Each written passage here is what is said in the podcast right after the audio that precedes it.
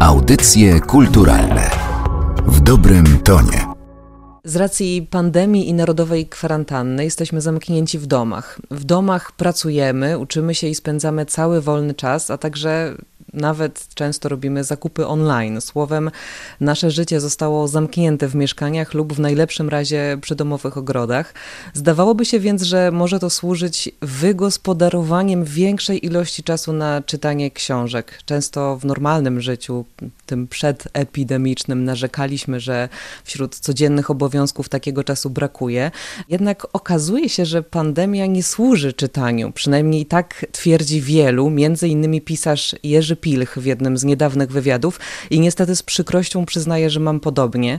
Wiem, że nasz dzisiejszy gość również, a jest nim dziennikarka i krytyczka literacka Justyna Sobolewska. Dzień dobry. Dzień dobry. Czy to prawda, że trudno się pani skupić na czytaniu w tym trudnym czasie? Tak, zastanawiałam się nad tym, bo przecież na przykład w więzieniu dobrze się czytało, czy jakby w takiej izolacji, do której zostaliśmy zmuszeni. Natomiast tutaj jest taka sytuacja, że my właściwie Mamy na głowie cały świat. Musimy śledzić wiadomości. Poza tym ci, którzy mają dzieci, uczestniczą w procesie uczenia domowego, co jest bardzo wyczerpujące. Właściwie pół dnia na to schodzi, sama wiem. Więc właściwie ten czas się skurczył. Mamy wrażenie, że dzień ucieka nie wiadomo kiedy. Dopiero wstaliśmy, a już jest wieczór. A jeszcze posiłki, jeszcze zakupy. Wszystko jest na naszej głowie. A poza tym jeszcze śledzimy wiadomości i denerwujemy się. Życie trochę przeniosło się do snu. Mam wrażenie, że bardzo się ożywiły sny rozmaite i ludzie opowiadają, co im się śni, ponieważ nie chodzą, więc często różne eskapady odbywają się we śnie. Więc czasu jest mniej, trudniej się skupić. Wydaje mi się, że dobrze się słucha, jak ktoś czyta. Bardzo ożywiło się w sieci głośne czytanie. Pisarze czytają, aktorzy czytają, rozmaite rzeczy nowe i starsze. To prawda, w sieci roi się od czytania tekstów literackich, również poezji, o czym mówiliśmy w niedawnej rozmowie z prezesem Fundacji Wisławy Szymborskiej, Michałem Rusinkiem. A po co sięgamy? To często klasyka, także książki o szeroko pojętej tematyce pandemicznej. To chyba jakiś nowy gatunek literacki. Wydaje mi się, że to jest dobry czas na powrót do klasyki. U mnie to się sprawdziło i wiem, że kiedy zaczęła się cała pandemia, wszyscy rzuciliśmy się na dżumę Kamip. To była pierwsza lektura, która wszystkich zelektryzowała, bo się nagle okazało, że, no, że to wszystko się sprawdza, że po pierwsze, że ludzkość jest przyzwyczajona do epidemii i żyła z nią przez setki lat i metody walki z tą epidemią były zawsze takie same. Pierwsza metoda, czyli izolacja. Camille swoją dżumę napisał nie na podstawie rzeczywistych wydarzeń, ale miał przed sobą dziennik zarazy Daniela Defoe, który jest bardzo szczegółowym opisem, właściwie takim reportażem uczestniczącym zarazy na początku XVII wieku w Londynie, ale on też nie uczestniczył w tym. To, to jest bardzo ciekawe, jak czyta się to tak, jakby on to wszystko widział, jakby to był zapis jeden do jednego. Tymczasem on miał wtedy pięć lat, kiedy ta zaraza wybuchła. Także opisał to później na podstawie rozmaitych relacji, ale jest to rzeczywiście zapis fascynujący. I, I, metody są te same. Izolacja, co prawda wtedy chorych zamykano w domu razem z zdrowych z chorymi, a pod domem stał urzędnik, policjant pilnujący, żeby nikt z tego domu nie wyszedł, póki wszyscy nie umrą. Na przykład. Niektórzy oczywiście prze, przeżywali i, i, mogli wychodzić. Natomiast też Defoe opisuje działania służb miejskich z pewnym podziwem. Właśnie, że na przykład nigdy nie zabrakło chleba, że piekarze piekli chleb od rana do nocy 24 godziny na dobę po to, żeby ludzie właśnie mieli co jeść w tym strasznym czasie. Jest to lektura fascynująca. Oczywiście Camille też budzi takie poczucie, że, no, że właśnie, że wie o czym pisze i też zachowania ludzkie fantastycznie opisał. To właśnie zapis utraty nadziei, ale też bardzo jest ważne to, co on wydobywa, czyli że w tej obserwacji ludzi jest więcej rzeczy w człowieku, które są godne podziwu, niż te, które przerażają. Czyli jakby ocala człowieczeństwo mimo wszystko w tym, w tym strasznym czasie, opisując różne właśnie rozmaite stosunek ludzi w czasie wyjątkowym. Także tak naprawdę te lektury opisujące zarazę po pierwsze pokazują, że zawsze tak było, że ludzkość jakoś sobie dawała radę z tym, żyła z tym, a po drugie jakoś tak umacniają nas, no właśnie w takim poczuciu, że da się to przeżyć, że kiedyś nastąpi koniec, kiedyś nastąpi koniec i będzie można wyjść, wyjść z domu i cóż to będzie za radość. Czy właśnie po to sięgamy po te książki, o których Pani wspomniała? Wśród nich należy też wymienić no, eksploatowany też mocno w ostatnim czasie Decameron Giovanniego Boccaccia. Czy sięgamy po po te książki po to, żeby znaleźć tam jakieś podpowiedzi, co robić, albo może dodać sobie trochę otuchy, że to się kiedyś skończy? Tak, na pewno. Właśnie one tak działają, dlatego że wydaje mi się, że zapomnieliśmy w ogóle o możliwości czegoś takiego jak zaraza. Po prostu tak bardzo oddaliliśmy się od, od tej rzeczywistości, że zapomnieliśmy, że to jest część życia, to jest część ludzkości po prostu, że, że właśnie to, to zawsze było i zawsze będzie, tylko o tym nie pamiętaliśmy. Więc rzeczywiście te lektury jakoś podnoszą, podnoszą na duchu też właśnie przez to, że będzie koniec tego, tego strasznego czasu. Decameron to jeszcze jest, to jest taki przewodnik, jak można działać w tym czasie, mianowicie, że pewną drogą przetrwania jest opowiadanie historii. Wiem, że niektórzy wyciągnęli z tego wnioski i, i właśnie zaczęli pisać rozmaite opowieści ku przetrwaniu, takie, żeby zająć głowę czymś i i pióro, trochę przypominające baśnie z Tysiąca Jednej Nocy, tak właśnie Decameron ośmiela do przekształcania tego czasu w twórczość. Co też się odbywa? Myślę, że tych dzienników zarazy będzie mnóstwo, być może będzie ich za dużo, być może już potem nie będziemy chcieli tego czytać, bo ileż, ileż można być w tym czasie. W każdym razie ta literatura przypomina nam, że to było. Zresztą myślę, że teraz wreszcie mamy świadomość, że zarazy były całkiem niedawno, bo przecież jedna z książek o zarazie dotyczy zarazy w 1963 roku, czyli epidemii odry, która zamknęła Wrocław. To jest zresztą książka reporterska, która wyszła niedawno. A Jerzy Ambroziewicz, tak zgadza się i pokazuje, że na dwa miesiące zamknięto wtedy Wrocław kordonem sanitarnym. Po mieście poruszali się właśnie tylko lekarze i służby medyczne w strojach epidemiologicznych. To też jest taka część, o której ktoś może gdzieś słyszał, ale nikt nie pamiętał, że to było tak niedawno. A jeszcze wcześniej słynna zaraza, czyli Hiszpanka.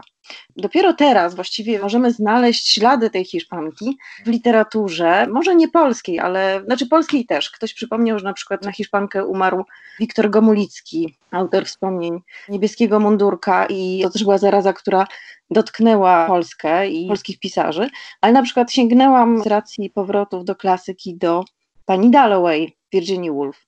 I w pierwszych słowach się okazuje, że pani Dalloway była słaba po przejściu influency.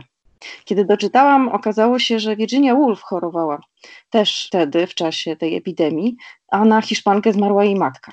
Także rzeczywiście pani Dalloway też nerwowo reaguje na dźwięk dzwonu w Londynie, ponieważ kojarzy jej się właśnie z epidemią, kiedy dźwięk dzwonu oznaczał kolejną śmierć.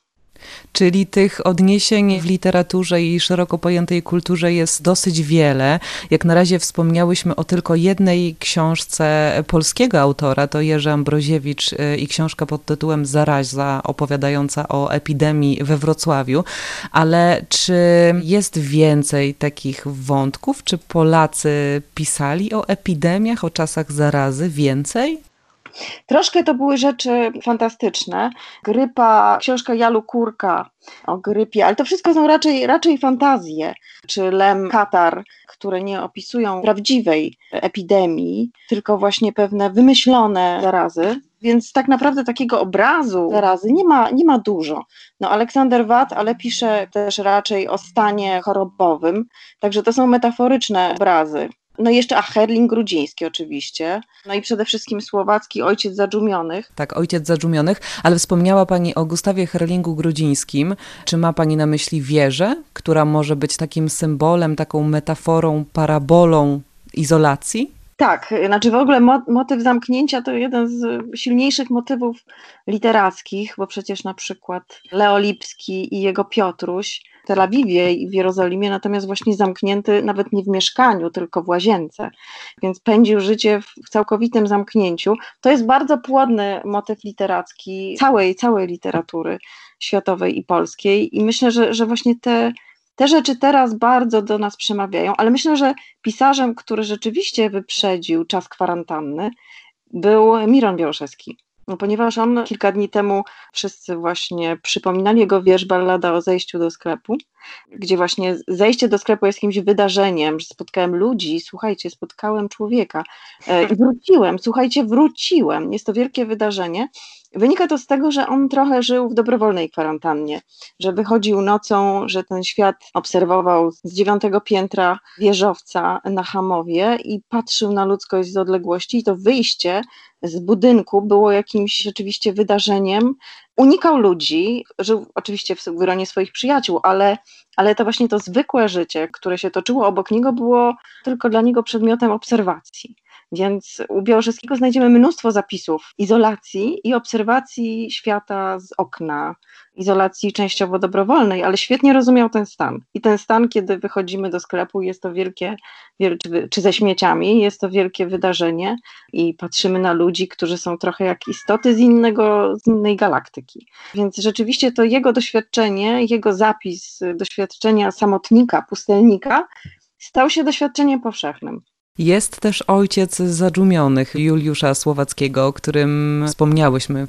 Tak, tak, tak. Tylko tam rzeczywiście trochę brakuje opisu samej zarazy, ale do Słowackiego w każdym stanie warto wracać. Ten ojciec zadumionych oczywiście w pierwszej kolejności się pojawia, ale też właśnie to jest tak, że nie można bez przerwy czytać o zarazie że gdzieś y, ten nasz stan może nas prowadzić po prostu do powrotu do, do klasyki. I też na przykład znam osoby, które czytają teraz Czarodziejską Górę. Fantastycznie się czyta takie opisy też znowu izolacji i choroby, ale po prostu można wykorzystać to na powrót do takich książek, które niekoniecznie opisują nasz stan, a właściwie w rozmaitych, tak jak już mówiłyśmy to wcześniej, w rozmaitych dziełach literackich okazuje się, że pewien motyw naszego samopoczucia i naszej, naszej izolacji istnieje, ponieważ literatura bardzo często właśnie przetrawiała to na swój sposób. Także znajdziemy powinowactwo i z bohaterami Czarodziejskiej Góry, i z ojcem zadżumionych, i z bohaterami Dżumy Kamisa, ale też właśnie z panią Dalloway, Virginia Woolf. Powinowactwa są często niekoniecznie bezpośrednie. Nie potrzebujemy z opisu samej zarazy, żeby czuć bliskość z bohaterami. A co autorzy polscy i zagraniczni chcą powiedzieć przez opowieść o epidemii, o pandemii, o zamknięciu, o izolacji w taki bezpośredni lub bardziej pośredni sposób? Bo za tym tematem, metaforą może chować się mnóstwo znaczeń i mnóstwo wątków. Oczywiście, no właśnie każdy inaczej to rozwiązuje. Były też opowiadania grozy, na przykład Edgar Allan Poe i opowieść Czerwonego Moru, który jest po prostu opowieścią opowieścią grozy, ale to są też opowieści o tym właśnie jak człowiek zostaje sam, jest skazany na siebie, jest sam ze swoimi demonami, czy opowieści moralizujące, tak jak opowieść Camus, która właśnie mówi, że wobec, jak to wszyscy pamiętamy zresztą że ze szkoły, że, że trzeba jakby walczyć do końca, wykonywać to, co się ma do zrobienia, pomimo wszystko, nawet kiedy nie wierzymy w sens tego, co, co robimy i nie wierzymy w zwycięstwo to też jest istotne w takiej właśnie postawie egzystencjalnej, o której mówi Camus, który przywołuje też wzorce właśnie dzielności. Myślę, że też co przynosi zaraza i co, co widzimy obserwując zachowania społeczne, no to uruchamia się takie poczucie samopomocy, kiedy też nie działają instytucje, kiedy mamy wrażenie, że państwo nie do końca spełnia, spełnia swoje zadanie, że wtedy ludzie starają się właśnie działać pomimo wszystko. Ludzie starają się jakoś, wykrzysują z siebie tę dzielność. O tym, o tym mówi literatura, o tym właśnie przede wszystkim oczywiście mówi, mówi Camus, który też e, nie rozlicza okrutnie swoich bohaterów różnych, ale też pokazuje, że można, że w momencie wyjątkowym człowiek jest w stanie wykrzesać z siebie więcej. A my po tę literaturę bardzo chętnie sięgamy. Pani natomiast w jednym ze swoich wideoartykułów poleciła czytelnikom i słuchaczom stanąć przed swoimi domowymi biblioteczkami i przyjrzeć się książkom. To sposób na znalezienie ciekawych tytułów i na przetrwanie domowej izolacji, oprócz już tego sposobu omówionego przez nas, czyli czytania książek o szeroko pojętej pandemii. Tak, każdy z nas może znaleźć różne rzeczy zapomniane, których nie był świadomy, że są, że są w ogóle na, na półkach. Wędrówki po półkach z książkami mogą być teraz najciekawszą podróżą, na jaką nas stać. Jedyną. tak, patrzenia przez okno, obserwowania ludzi, tak jak to robił Białoszewski. Na półkach właśnie mogą się odkryć rozmaite zapomniane książki, a w nich, bo to jest też ważne, na przykład sama znalazłam jakieś zdjęcia sprzed 20 lat, bilety, karteczki, nie tylko książki, nie tylko treść książek jest istotna, ale to, co możemy znaleźć w tych zapomnianych tomach w środku. Uświadomiłam sobie, że najbardziej zapomniane książki to są słowniki. Naprawdę nie zaglądamy już do słowników, one jeszcze stoją i się kurzą, ale właśnie może w takich słownikach podręcznych polsko-francuskich, nieużywanych od lat, może też tam kryją się skarby. Rzeczywiście jest tak, że, że te nasze półki stały się teraz obiektem wędrówek i możemy tam znaleźć rzeczy zupełnie niespodziewane. Nawet jeżeli nie mamy siły czytać, to możemy poobcować z książkami jako z przedmiotami, które mają historię i trochę się wiążą z naszą historią. Na przykład, kiedy odkryjemy jakąś dedykację zapomnianą, od kogo tę książkę dostaliśmy, albo zapomnieliśmy ją oddać do biblioteki. Rozmaite historie, myślę, że to też jest sposób na spędzenie czasu, czyli przypomnieć sobie, co się kryje na naszych półkach. Czyli kwarantanna wokół literatury. Bardzo Pani dziękuję za spotkanie. Dziękuję. Audycje kulturalne w dobrym tonie.